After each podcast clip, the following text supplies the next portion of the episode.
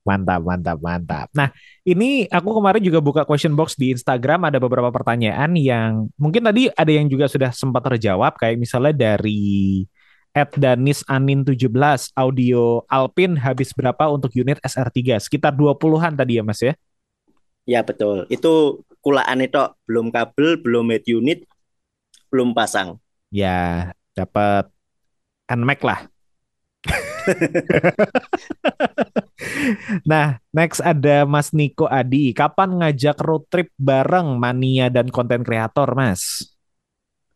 Itu udah pernah kita lakukan hmm. waktu peresmian Jalan Perdana Perintis Ribbon atau oh, iya, 01. Benar. Jadi unit kita yang pertama. Hmm. Setelah itu Mas tidak sempat.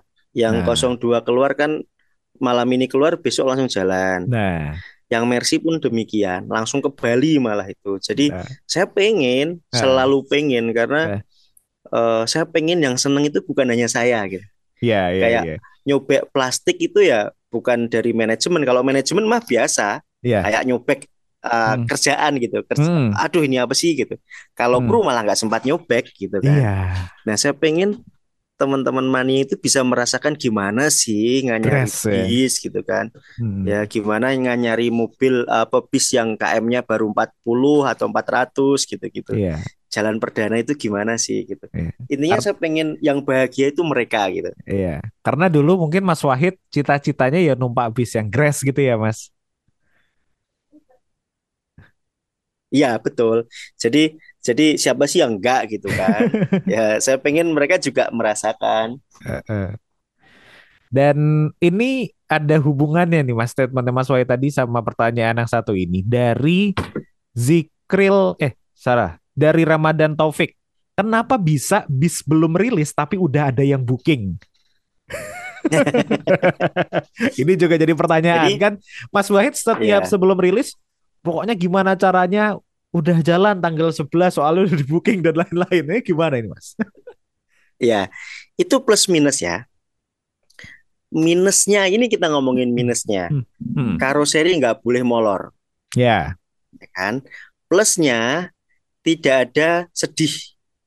Wah, kok nggak jalan-jalan ya gitu. Kita nggak mengalami ya. itu. Gitu. Nah, kalau tanya gimana caranya, hmm. itu kan ada beberapa komponen yang bekerja. Hmm. Salah satunya adalah marketing yang sudah announcement bahwa kita akan rilis bus di tanggal sekian. Hmm. Kalau mau booking bisa mulai sekarang. Itu yang pertama marketing. Okay. Yang kedua tentu dari pihak uh, tim konten kan sudah bikin kayak teaser, ya? teasernya gitu kan. Hmm. Otomatis itu juga membantu. Hmm. Uh, kemudian biru-biru yang sering pakai pasti tanya rilis mana tanggal piro dor gitu rilis lagi tanggal berapa tanggal songo insya Allah piye pakai pakai blog tanggal segini sampai tanggal segini gitu gitu caranya sih ya ya kayak gitu jadi hmm. uh, dari awal pesona bisa secepat ini karena menggabungkan kekuatan online-nya saya dan hmm. kekuatan offline-nya marketingku yang bukan orang baru gitu Iya. Yeah. Kayak gitu ceritanya.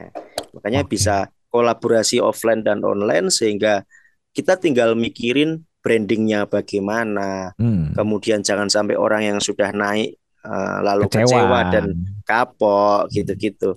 Krunya juga uh, kita ngomong tuh nggak nggak selesai-selesai gitu kan. Bla bla bla bla.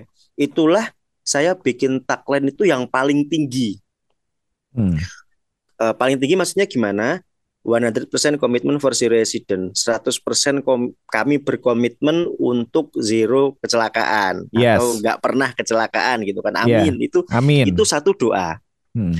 Karena uh, perkataan adalah setengah dari doa. Kalau itu ditempel di kaca pengemudi, hmm. pengemudi akan selalu melihat itu. Hmm. Orang yang membaca itu juga mungkin akan mengaminkan dan lain-lain. Hmm. Tapi dasar di balik itu adalah kalau sudah bisa mengemudi dengan aman, mm -hmm. insya Allah pasti nyaman. Yes, ya kan? Betul. Efek berikutnya adalah mobil nggak gampang rusak karena spare partnya terjaga, mm -hmm. uh, rem juga awet, suspensi juga awet dan lain-lain. Karena jalannya pasti ya begitu-begitu aja, nggak mungkin yeah. blong, nggak mungkin rem dada. Dan uh, untuk implementasi dari tagline itu yang ternyata berat, mas ternyata saya yeah. akui berat. Awal-awal jalan itu saya masih dapat laporan bahwa ngeblong lampu merah lah, hmm. ngeblong marka lah dan lain-lain. Akhirnya saya bekerja sama dengan developer IT. Hmm. Gimana caranya saya bisa tahu ini mobil ngerem dadak atau belok dengan kasar oh. atau ngegas dengan kasar? Bisa, Mas. bisa. Uh. Bisa. Kalau tanya itu habis banyak, banyak banget. Bahkan sekarang saya dulu kan saya nggak pernah pakai jam ya. Iya. Yeah karena ribet orang pakai jam tuh. Saya ter, terpaksa pakai smartwatch. Kalau ada bis saya yang melebihi kecepatan yang saya tentukan, hmm. jam saya bergetar. Wah. Dan bisa tahu itu unit mana. Langsung tak telepon. Iya. Susu yeah. ngoyak apa toh? Saya bilang seperti itu. Oke, okay. karena setauku ya memang yang bisa di tracking uh, kalau kecepatan udah lama aku tahu kecepatan bisa di tracking. Yeah. Cuman kalau yeah. sampai ngerem dada, beloknya ngeplek-ngeplek mungkin kalau bahasanya orang Jawa gitu yeah. itu bisa ada. bisa ada ya. fiturnya. Berarti dia um, apa ya? Ada kayak sensor basicnya gerak. GPS. Oh, basicnya Betul, GPS di dashboard ya. Jadi jadi uh, ada beberapa diagram gitu yang hmm. kalau kita terjemahkan, saya tahu siapa yang nyopirnya paling boros BBM. Wah, gitu. ya. siapa supir yang peringkatnya paling zigzag, siapa yang paling sering rem mendadak itu terbaca semua dan masih saya pantau sampai sekarang. Cuma yang paling sering adalah speed limiter. Semula oh, saya komitmen 100, tapi hmm. karena banyak aduan bahwa Pak kadang tuh kita pulang ngejar waktu untuk jemputan selanjutnya. Hmm. Oke, tak olorke menjadi 110. Hmm. Jadi kalau 110 saya pikir masih aman lah karena masih, ngerem okay. juga pasti insya Allah nutut gitu gitu kan. Tapi kalau sudah 100 di atas 120 saya sendiri pernah nyetir 135 itu wis intinya ini naik kenapa-napa rem kita nggak nyampe udah pasti gitu kan. Hmm. Makanya saya limit. Oke. Okay. Jadi Sekarang itu connect kok, dengan smartwatch saya. Oke, kok jadi kepikiran aku ya sering naik bis di atas 135 dengar pernyataannya sampai ya kalau kalau bis bis tersebut punya fitur pengereman yang canggih bisa mas. Oke. Bisa pasti kayak AB, ada ABS-nya sih nutut. Oke. Ada retarder walaupun okay. ya tetap uh. los-los aja kan. Hmm. Cuma secanggih apa pun unit, hmm. yang paling menentukan keselamatan adalah ikhtiar kita Nah, mulai dari ya, pengemudi, benar. mulai dari manajemen, hmm. bahkan spare part, ban, ban itu saya nggak mau pakai yang uh, inilah ya, yang apa uh, vulkanisir gitu, enggak. Yeah. Kita harus baru memang dan habis ya udah ganti gitu gitu. Hmm. Karena itu se seperti yang saya sampaikan tadi, implementasi untuk membuat atau mem membuat nyata tagline tadi itu ternyata berat. Iya. ya harus berkorban waktu, pikiran dan uang untuk bisa Modal, mencapai. Ya, ya betul. Pasti, ya, pasti, tapi pasti. manfaatnya kan tinggi. Ya, betul. Eh karena sa yang yang berat ini adalah ini. Orang hmm. tahu bahwa pesona itu adalah punya Mas Wahid. Hmm. Nah, ini salah satu alasan kenapa nggak pakai nama Mas Wahid. Awal-awal capek banget itu dengerin komplain. Mas Wahid yeah. ngeblong, Mas Wahid ngeblong itu kan nggak enak. Iya. Yeah. Yang nggak tahu jadi tahu gitu kan. Iya yeah, benar. Bisnis apa Toki Mas Wahid di set ketemu saya. Hmm. IG centang biru ya kan. yang ratusan ribu followers ya. nah, tadi nyampe apa ya? nyampe oh iya jeneng Mas Wahid ngeblong. Nah, jadi jadi ngeblong eh yang di satu titik saya diminta oleh satu brand besar untuk membuat video tutorial video tutorial keselamatan mengemudi gitu kan. Itu kan akan akan tidak sejalan gitu. Hmm. salah satunya ya yang menyebabkan ya seperti itu kayak gitu. Jadi jadi itulah kenapa eh, keselamatan berkendara menjadi yang utama bagi kami. Selain itu akan merusak kalau terjadi brand yang sudah kita bangun branding yang sudah kita bangun hmm. kita sendiri yang akan mengalami kerugian Paham kan maksud saya? Kayak paham, paham. kayak beberapa kejadian satu kali aja, namamu hmm. itu akan diingat sepanjang masa karena di Google nggak bisa dihapus, ya kan? Iya benar. Ya itu benar, yang benar, benar. yang saya benar-benar hati-hati banget jaga itu. Gitu. Oke. Okay. Lanjut pertanyaan dari Instagram yang belum sempat terjawab nih. Ada dari Livka. Ini salah satu Bismania yang juga jadi content creator YouTube ya. Katanya gimana sih Mas Wahid cara menentukan harga sewa bis? Oke, yang pertama itu harga tuh nggak perlu ditentukan. Pertama pertama saya beli bis yang pertama itu juga sudah khawatir tentang atau akan khawatir akan hal itu. Engkau hmm. nanti mikir kayaknya gimana ya gitu. Saya sampai saya dulu kan pernah jadi ini ya guide atau pemandu wisata pernah. Oke. Okay. Akhirnya hmm. Tapi tapi sudah 10 tahun yang lalu maybe ya terakhir tuh. Terakhir saya mungkin di 2011 waktu itu. Terakhir setelah itu menikah dan tidak melanjutkan pekerjaan itu. Hmm. Saya sampai telepon teman saya yang sekarang masih berkecimpung di dunia pelayanan wisata. Bro, tarif Semarang ke Jogja berapa gitu. Jogjanya Gunung Kidul berapa. Tak bikin list tuh, tak bikin list, tak tulis gitu. Sampai suatu ketika ketika sudah masuk di dunia itu kemudian dipimpin sama teman-teman uh, bukan kompetitor ya, tapi kayak senior-senior yang ada di Semarang, yeah. kemudian uh, saya merekrut marketing. Akhirnya itu semua terjawab dan tanpa effort sedikit pun. Jadi oh. si marketing yang kita tunjuk itu itu kan sudah hafal, sudah hafal pekerjaan itu. Jadi benar-benar sudah ada, sudah ada rumusnya, sudah ada patokannya. Hanya memang kemarin waktu waktu apa namanya uh, kenaikan BBM, as mm -hmm.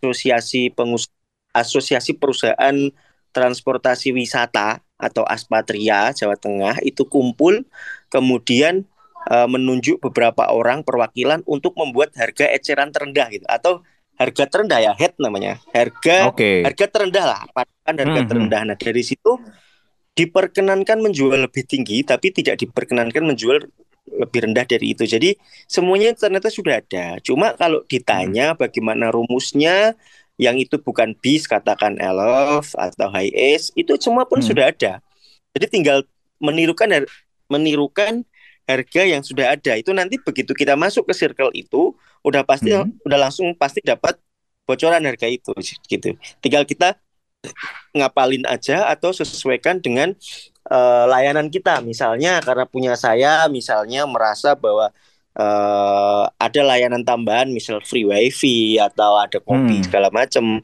tinggal ditambahkan aja berapa sih paling sehari uh, cas seratus ribu misalnya atau hmm. kalau dulu ini ada yang penyesuaian-penyesuaian ya. Kalau dulu long trip itu kalau mau nambah bantal selimut ya nambah 200 ribu untuk ongkos laundry. Sekarang okay. enggak karena banyaknya banyaknya yang uh, dalam tanda kutip melakukan fasilitas itu. Jadi sekarang hanya kalau otomatis kalau long trip ke Bandung misalnya otomatis hmm. sudah pasti dapat fasilitas bantal dan selimut. Nah, kalau ditanya bagaimana ya gampang sebenarnya kan ketahuan tuh mau ke mana, solar berapa, fee hmm. atau gaji driver berapa, uh, setoran kantor berapa, fee marketing berapa, sama lain-lain kayak fasilitas dan lain-lain tol gitu-gitu berapa itu sebenarnya sudah ketemu sih, sebenarnya sudah ketemu hmm. dan itu sebuah uh, hal yang tidak usah dipikirkan sekarang. Nanti kalau sudah punya udah otomatis akan mengerti sendiri. Kurang lebih seperti itu. Oke, kurang lebih seperti itu. Dan emang um, bagusnya ada asosiasi gitu juga yang yang bisa mengatur ya. Maksudnya batas bawahnya berapa, batas atasnya berapa. Itu kan juga sebenarnya kalau udah ada asosiasi gitu udah enak. Sama kayak misalnya kayak di kereta atau di pesawat itu kan pemerintah ngatur juga tuh batas bawahnya berapa, yeah. batas atasnya berapa gitu kan. Betul. Hmm, hmm, hmm, hmm. Oke. Nah, next nih pertanyaan dari Zikril 64. Ini kan seperti kita tahu Mas Wahid dulu sempat dititipin armada lah istilahnya. Ya. Mm-hmm. Nah, ini dia nanya, kalau nitip armada ke Mas Wahid boleh nggak biar dikelola pesona? Nah, dulu kan sempat ada. Nah, kalau sekarang kondisinya gimana nih Mas Wahid? Uh, kalau dulu karena kita ngejar growth ya, ngejar hmm. banyak ada dengan modal yang sangat terbatas, akhirnya mm -hmm. kami mengizinkan beberapa beberapa orang yang ingin menitipkan armada. Uh, tapi memang saya akui waktu itu aturan atau petunjuk ya petunjuk kerjasama belum kami bikin, belum kami atur. Akhirnya ya ng ngalir aja gitu. Yang hal itu berakibat kepada uh, ketidakjelasan kerjasama di kemudian hari gitu. Intinya seperti hmm, itu. Iya iya iya iya benar benar benar. Akhirnya terjadi ketidaksepakatan lagi gitu kan. Nah, karena uh, uh, saat ini kalau saya amati beberapa minggu lalu saya buat analisis per hari kalau kita disediakan 15 armada tuh insya Allah bisa terjual. Sementara hmm. armada kami baru tujuan gitu. Akhirnya yeah. saya bersama tim membuat draft atau petunjuk gimana kalau kita uh, mempersilahkan bukan investor ya bahasanya ya orang yang mau titip bis gitu itu lebih enak yeah. bahasanya sudah mm -hmm. Uh, kalau mau ikut dengan aturan yang kita bikin dan komit mm -hmm. dan tidak menjelekkan nama gitu kan sampai saat ini sih alhamdulillah semua semua aman ya unit artinya unit pribadi. Tapi kalau ke depan memang ada yang mau nitip sudah kami buat aturannya gitu. Sudah kami buat petunjuknya minimal uh, spesifikasinya seperti apa. Kalau beli second nanti bagaimana kita yang ngurus gitu. Kalau beli baru ya kita yang ngurus. Kemudian nanti kalau second harus tahun berapa gitu-gitu itu sudah kami atur semua. Kemudian itu kan pra ya atau eh, sebelum hmm. ada unitnya kita sudah atur. Setelah ada unitnya juga sudah kita atur berapa lama minimal kerjasama kalau mau diperpanjang bagaimana kalau mau di stop bagaimana pembagiannya bagaimana itu sudah kami atur semua detail. Dan itu adalah saripati dari pengalaman kami dua tahun ini gitu kan. Memang kami yeah. baru dua tahun dua tahun itu juga pengalaman yang cukup untuk membuat semuanya itu insya Allah bisa saling menguntungkan gitu. Semuanya bisa saling menguntungkan. Kan kita nggak ingin kalau kalau kalau yang nitip itu nggak untung otomatis nggak kerasan nggak nyaman. Nah, lama-lama unit ditarik kan kita yang kele, apa kelepo, kerepotan harus yeah. ngadain lagi dalam waktu. Kan kaitannya kalau kalau wisata tuh tiga bulan ke depan aja sudah di booking gitu. Jadi kita nggak bisa main-main nggak bisa main-main dan orang pasti akan kecewa juga sewanya pesona. Kalau diganti yang lain udah udah pasti komplain gitu. Nah hmm. bahkan pasca atau setelah kerjasama pun sudah kita atur. Kalau kalau dijual nanti un ada untung bagaimana dengan untung itu? Karena biar bagaimanapun uh, uh, selama ini ya yang saya lakukan adalah ada semacam uh, apa ya branding tersendiri ketika unit pesona secondnya itu dijual gitu gitulah. Ada hmm. ada nilainya sendiri value sendiri. Sehingga atas hal itu gitu harus ada harus juga diatur. Kurang lebih seperti itu. Jadi memungkinkan dan sudah kami buatkan petunjuk kerjasamanya. Namanya kami namakan petunjuk. Jadi petunjuk itu boleh di uh, diatur ulang gitu sesuai yeah. dengan kesepakatan masing-masing. Dalam hal ini memang kami atur untuk saling menguntungkan versi kami. Tapi belum tentu orang yang melihat itu sama sudut pandangnya gitu. Merasa yeah. untung. Walaupun sudah sama diatur untungnya tapi belum tentu juga sudah merasa untung kan gitu. Nah itu namanya petunjuk. Nanti bisa saling uh, diskusi lebih lanjut. Kurang lebih seperti itu Nah itu ya berarti kalau misalnya ada teman-teman kan banyak nih pasti banyak banget yang pastinya cerita ke Mas Wahid Mas Wahid aku pengen usaha bis gitu aku pengen beli bis gitu kan tapi mungkin masih belum bisa atau bingung gimana ya memulainya ya salah satu caranya sebenarnya bisa juga memulai dengan nitip ya ke Mas Wahid ya. Betul. Betul. Nah, next ya. Ini bukan pertanyaan dari Instagram, tapi ini adalah pertanyaan-pertanyaan yang sudah aku buat ya. Mas Wahid tinggal memilih antara dua pilihan dan silahkan berikan alasannya. Oke. Okay. Oke, okay. single glass atau double glass? Untuk saat ini single glass untuk saat ini single glass. Kenapa, Mas? Ya. Uh, di uh, di beberapa karoseri kalau saya lihat hmm. single glass itu sudah diakui sebagai unit baru. Jadi jadi arahnya okay. tuh berubah-ubah ya. Pada saat 2021 ya kalau saya tidak salah tuh 2021 awal kita buat single glass itu macam judi gitu deg-degan, yeah, spekulasi. Iya, iya, iya, iya, iya, betul. unit lama gitu kan. Tapi ketika raksasa-raksasa PO sudah atau orang-orang dengan budget yang luar biasa sudah bikin single glass laku ya alhamdulillah enggak ya gimana gitu kan. Dan dan uh, nasional atau masyarakat tahu bahwa nggak harus selalu single glass itu lama. Ada juga sekarang karoseri buat single glass lagi back to single glass gitu kan. Akhirnya dan desain single glass pun sekarang sudah cakep-cakep gitu. Laksana contohnya yeah. dia bisa buat single glass yang bener-bener tegak lurus kaca depannya nggak miring nggak ini kan. Jadi uh, feel-nya atau rasanya desainnya kayak bener-bener mobil apa bis Eropa gitu nah yeah. itu sekarang yakin sekarang sudah yakin nggak perlu kayak kita ngasih tahu netizen atau penyewa dulu bahwa ini mobil baru loh gitu. Kalau dulu waktu kita bikin uh, apa ya hashtagnya kita dulu kan uh, kembalinya era single glass, memulai kembalinya era single glass gitu kan. Yeah. Itu kan dia nggak mau sewa itu gitu karena dalam hal ini biro biasanya biro uh, customernya taunya kalau yang sekarang tuh double glass kayak gitu. Hmm. Jadi ya sekarang yakin aja single glass. Terus kenapa kemarin nggak bikin single eh double glass? Nah, itu dia. udah, aku udah mengantisipasi pasti akan muncul.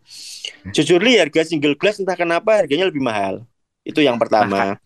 Kira-kira selisihnya tuh berapa mas? Buat gambaran aja. Puluhan aja, juta sih. Oh puluhan. puluhan juta. Pul hmm. Ya. Puluhan juta dan uh, kalau sekali ganti kaca kacanya mahal gitu. Jadi lebih ke uh, alasan ekonomis dan uh, uh, uh, ke depannya perawatan ke depannya. Oke, okay. tapi berarti ada kemungkinan Kalau... berarti ada kemungkinan sasis yang baru masuk nih single ya, glass. Ada kemungkinan itu, ada kemungkinan seperti itu. Oke, siap, siap, siap, siap, siap. Oke, pertanyaan berikutnya, audio bagus atau body baru? Hmm. Misalnya jadi oh, Jetbus 2 yeah. tapi audionya bagus yeah. atau uh, hmm. SR3 panorama tapi audionya standar. Hmm. Oh. dulu ya ini ini saya nggak bisa milih itu. Tapi kalau dulu JB2 kita yang 05 yang warna hijau tuh udah pasti nyampe garasi hal pertama yang tak sentuh tak beredel adalah audio gitu mm-hmm. kan. Sekarang kalau disuruh milih, tentu saja milih uh, body, body mm. bagus, audio biasa. Kalau body bagus, audio biasa, orang nggak akan komplain. Oh ya umum lah bis kayak gitu gitu kan. Mm-hmm. Tetapi kalau bodinya jadul, audionya bagus, orang tuh udah nggak mood dulu. Orang yang dilihat tuh looks pertama kali tahu. Ini loh kayak okay. oh keren ya. Uh, impresi pertama kali lihat gitu. Jadi hmm. dan dan dan ngerombak audio itu kan dua hari lah kalau di garasi itu uh, tinggal beli udah disiapin bayar tukang dilembur semalam besok udah tes oke kalau misalnya ibaratnya uh, audio bagus mau rebody kan lebih susah mendingan body uh -uh. bagus aja garap audionya gitu ya mas ya dua hari audio itu oke siap next pertanyaan tentang jok nih Rimba Kencana hmm. atau Aldila? Dua-duanya bagus, dua-duanya kita punya, dua-duanya saya pernah beli baru, beli hmm. baru, tapi ada memang uh, kelebihan dan kekurangan masing-masing. Untuk saat ini hmm. Uh, yang yang banyak atau yang beli baru terbanyak adalah Aldila. Kenapa? Kelebihannya uh, lebih ringan untuk dibongkar pasang. Kita tahu kalau wisata tuh hmm. nggak spek yang flat atau fix gitu ya. Misal hmm. 50 seat terus gitu. Ada yang 33 tapi leg rest, ada yang 40 leg rest, ada yang 52 tapi uh, spek spek semuten gitu kan kaki tempel gitu-gitu. Jadi kita mesti atau nuruti kru yang dia inginkan. Mereka rata-rata hmm. inginnya adalah ya, karena bongkar pasang lekres lebih mudah, baut keril juga lebih mudah gitu-gitu. Kalau harganya sama, kenyamanannya sama, tergantung kebutuhan aja sih. Ada yang suka okay. ini, ada yang suka itu. Sama sih, dua itu sama. Tapi kalau misalnya dari segi customer sendiri, Mas, itu ada yang kayak komplain kah atau memang ada yang ibaratnya mania, aku pengennya jok yang kayak gini. Enggak sih. Kalau sampai jok enggak. Kalau hmm. dulu mungkin tahun yang lalu mungkin karoseri ya tapi sekarang hmm. enggak sampai karoseri kan hmm. uh, kalau jok ampun lah jangan sampai ada yang fanatik joki ini susah. yang fanatik sih kayaknya mania banget sih itu loh yang sampai fanatik banget ya. Pak ya nah, kalau sampai fanatik jok tuh ya kan.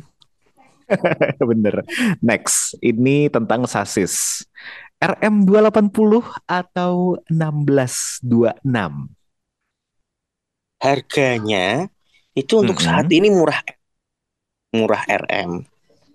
Mm -hmm. Kemudian uh, kelebihan dari suspensi RM wide dan uh, wide suspension dan uh, GVW-nya sekitar berapa kemarin 16 ton. Jadi bisa hmm. di satu bisa dibikin SED dan yang kedua RM uh, bisa SED dan lebih nyaman gitu kan. Ayunan yeah. suspensinya stabil. Kemudian kalau 1626 dia produk lama yang sudah teruji dan uh, punya nilai atau value brand yang lebih tinggi daripada Hino gitu kan. Jadi hmm. dua-duanya memiliki kelebihan. Tapi 1626 punya kekurangan yaitu harganya tinggi. Okay. Harganya tinggi dan tapi sudah teruji gitu. Yeah. Uh, untuk RS walaupun Hino punya kepercayaan mutlak di masyarakat bahwa Hino tuh uh, gampang rawatannya, murah belinya, kuat mesinnya dan lain-lain.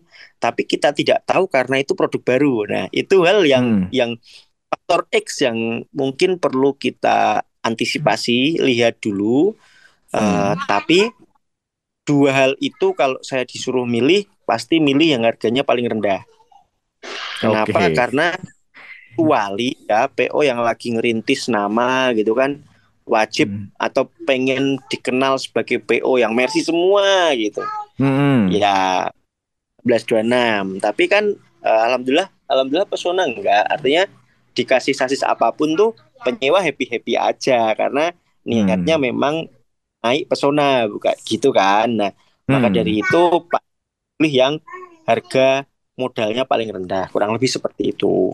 Dengan okay. kelebihan dan dan yang jelas 1626 sudah punya, RM-nya yang masih ngantri karena pengen ngerasain gitu. Kata orang yeah. RM begitu kita punya dua, yang satu second, yang satu baru. Nanti kan kita bisa ngomong lebih banyak kalau kita sudah jajal sendiri gitu loh, mencoba merasakan sendiri kayak gitu.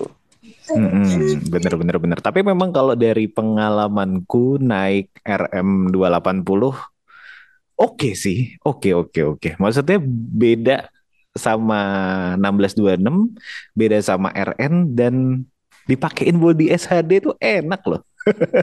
enak kan? Enak, enak, enak, enak. Enak, enak, enak. Nah, ini kalau ngomongin Hino, Mercy, Mas Wahid udah punya lah. Kalau misalnya dua sasis ini pasti belum punya sekarang dan pasti ada keinginan lah punya. Scania atau Volvo, Mas? uh, saya saya sudah mempelajari dua-duanya walaupun tidak sepinter yang lain yeah. karena hanya kan hanya datang ke uh, ke ke kantornya, ketemu brand expertnya dan lain-lain. Uh, kalau pertanyaannya seperti itu nggak enak jawabnya. Cuma kalau aku boleh bilang uh, deng dari desain apa ya desain setirnya mungkin Scania ya kan okay. brand value ya ya Scania juga gitu kan tapi Hmm. Volvo juga bukan bukan uh, bukan merek yang yang tidak punya value lebih gitu. Dia punya faktor keamanan yang sangat luar biasa, mirip mobil mobil mewah, mobil sport yang yang ada ABS, EBD, segala macam semuanya dipikirkan tentang faktor hmm. safety-nya. Volvo itu gitu. Tetapi uh, untuk saat ini jujur sama-sama Euro 5 harganya sedikit lebih murah Volvo gitu. Nah, hmm. gitu. Jadi yeah. mungkin jawaban saya ini yang penting bisa dijadikan apa ya kayak informasi teman-teman pendengar alasan dibalik uh, pemilihan dua brand tersebut. Brand value yeah. kalau saya tanyakan ini katanya uh, nilai brandnya itu lebih kuat Scania, tapi ya saya nggak tahu. Tetapi hmm. faktor keamanannya sama kenyamanannya nih, kenyamanannya saya pernah naik bis 11R, saya pernah naik 410. uh, mungkin ini selera tapi saya lebih suka B11R nggak tahu kenapa oke okay. Iya ya, tapi emang apa ya ibaratnya dari dashboard, setir, logonya Scania tuh memang brandnya udah sekuat itu sih mas ya. Ya, ya, ya. Ya, ya. Wah, kayak iya kayak ngelihat baru ngelihat logo dan setir aja tuh udah sangat-sangat uh, semangat gitu. Oke, yang terakhir, kalau Laksana, Mas Wahid udah sering order ya, udah pernah bikin bis baru, sekarang mungkin lagi bikin juga. Tapi aku pengen tahu nih, Adi Putro atau Tentrem Mas? Kan Tentrem juga kayaknya belum pernah masuk ke radar Mas Wahid atau mungkin kita yang belum tahu nih. Nah ini cukup menarik nih, dua karoseri Malang ini. Oke, Tentrem saya sudah pernah main ke dalam bahkan sampai ketemu sama founder dan owner gitu kan. Iya. Yeah. Uh, saya juga cukup akrab dengan salah satu tim Tentrem, orang yang pertama kali saya kenal orang Tentrem gitu kan. Uh, jujur li untuk saat ini Tentrem perlu dipertimbangkan dengan tampilan yang sekarang Avante yang sekarang yeah. facelift dengan teknologi uh, advance-nya itu kemudian benar-benar itu nggak hanya gimmick. Kita saya coba sendiri itu produk dia yang aluminium body itu nyaman hmm. serius nggak ada lip sama sekali karena bobotnya benar-benar reduksi. Jadi hmm. tidak mentiang-mentiang. Kalau bahasa saya nggak mentiang-mentiang nganan ngiri gitu kayak orang pusing nggak bikin mual enggak saya sudah nyoba jadi pengemudinya saya sudah nyoba jadi penumpangnya. Untuk hal itu wajib diapresiasi. Hanya saja Adi Putro menang start gitu kan. Adi Putro iya, menang benar. start, menang reputasi dan itu bukan investasi yang murah gitu. Adi yeah. Putro sudah mencakarkan taringnya atau uh, apa tuh kalau ayam tuh jalunya itu iya benar dari dulu zaman Kopolo awal ya kan Trafego Marco Polo bis hampir semuanya waktu itu adalah di Putro. Kalau dari yeah. jauh tuh ada LED warna biru yang Marco senyumnya smell banget mulai dari yang stop lampnya itu. Jadi jadi Adi Putro mungkin menang reputasi. Hmm. Hanya saja saya harga Adi Putro agak-agak tinggi sedikit gitulah dibanding yang lain dibandingkan rata-rata. Maka hmm.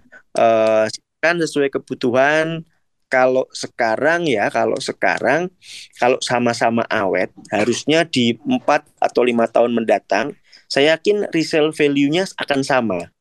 Sekarang orang milih Adi Putro karena kalau dijual lagi itu kan ibaratnya lakunya lebih cepat. Hmm. Harganya mungkin sedikit dibandingkan karoseri lain. Tapi kalau saya amati sekarang uh, banyak Adi Putro yang dijual tapi laksana nggak ada yang jual gitu. Uh, hmm. Atau kalau kita mau sama ada barangnya, sekarang untuk tahun ini nih per bulan Desember kemarin harganya nggak selisih. Kalau awal pertama kali saya masuk beli secondnya emang selisih dari uh, 50 hingga 100 juta lebih mahal Adi Putro tahun sama ya tipe okay. sama misal beli gitu itu lebih mahal Adi Putro tapi untuk saat ini sama aja itulah kenapa awal mula saya saya masuk dan mengenal Laksana karena body SR2 itu cakep loh. Jadi yeah. Iya. uh, punya punya LED biru di atas yang kalau malam tuh punya value tersendiri, lampunya yang gampang diakal, uh, diganti LED nanti nggak buram lagi, reflektor nggak mudah meleleh, stop lamp belakang ganti mikanya aja 600 ribu udah kayak baru, nggak perlu yang iya. upgrade yeah. ke kan. Lain-lain lah. Ada lampu Garuda yang Malang Tengah tuh yang kalau di CP apa adanya lah. Kita harus modifikasi hmm. pakai LED supaya bahwa itu bis gitu kan. Body iya, lebar. yeah, yeah, yeah, bener. itu LED yang jalan kanan kiri kanan kiri dan menurutku itu enggak banget gitu kan. Tapi laksana udah ngerti lampu udah dan itu bikin kalau malam orang tahu bahwa itu bis gitu. Itu aja sih yang saya pentingkan sebenarnya hmm. tampilan kalau malam dan harganya murah. Itu awal saya masuk di dunia bis. Hanya saja untuk saat ini sama aja. Uh, tetapi kalau di, di di pendapat saya tentang tentrem dan tentrem dalam ini Avante ya dan Jetbus ya kita main-main big bus hmm.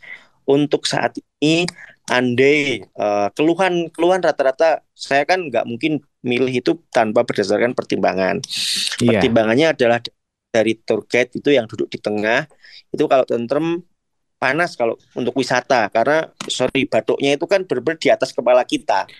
Iya benar. PR banget, uh, eh, PR banget karena biar bagaimanapun kita harus memikirkan kenyamanan guide, kemudian co-driver dan driver karena mereka yang yeah. Iya. uh, bekerja dari di situ gitu. Nah kalau hmm. mal malam ya angkatan malam bis-bis malam atau akap itu kan jalan malam nggak kerasa sama sekali gitu. Berbeda kalau kami yang malamnya malah istirahat, siangnya yang kita panas-panasan gitu. Itu punya hmm. dua kekurangan. Uh, eh, BBM lebih boros karena AC-nya akan diset lebih kenceng gitu gitulah kurang lebih seperti ah, itu. Ya ya ya benar. Kadang um, penumpang ataupun mungkin mania juga nggak memikirkan hal itu ya. Karena ya misalnya ngelihat Avante, Avante view-nya enak nih gitu, lega tampil pandangan depannya, tapi kan itu ternyata ya mengorbankan kenyamanan juga driver dan juga uh, co-driver dan juga TL mungkin yang di situ. Dan ya peruntukannya balik lagi beda memang. Kalau misalnya emang mau yang bis malam ya it's okay aja gitu ya Mas ya. Ya betul. Oke, oke, oke, oke. Nah, ini pertanyaan terakhir, kira-kira bisnis transportasi di 2023 sampai 2024 nanti lah. Kira-kira gambarannya kayak gimana nih, Mas?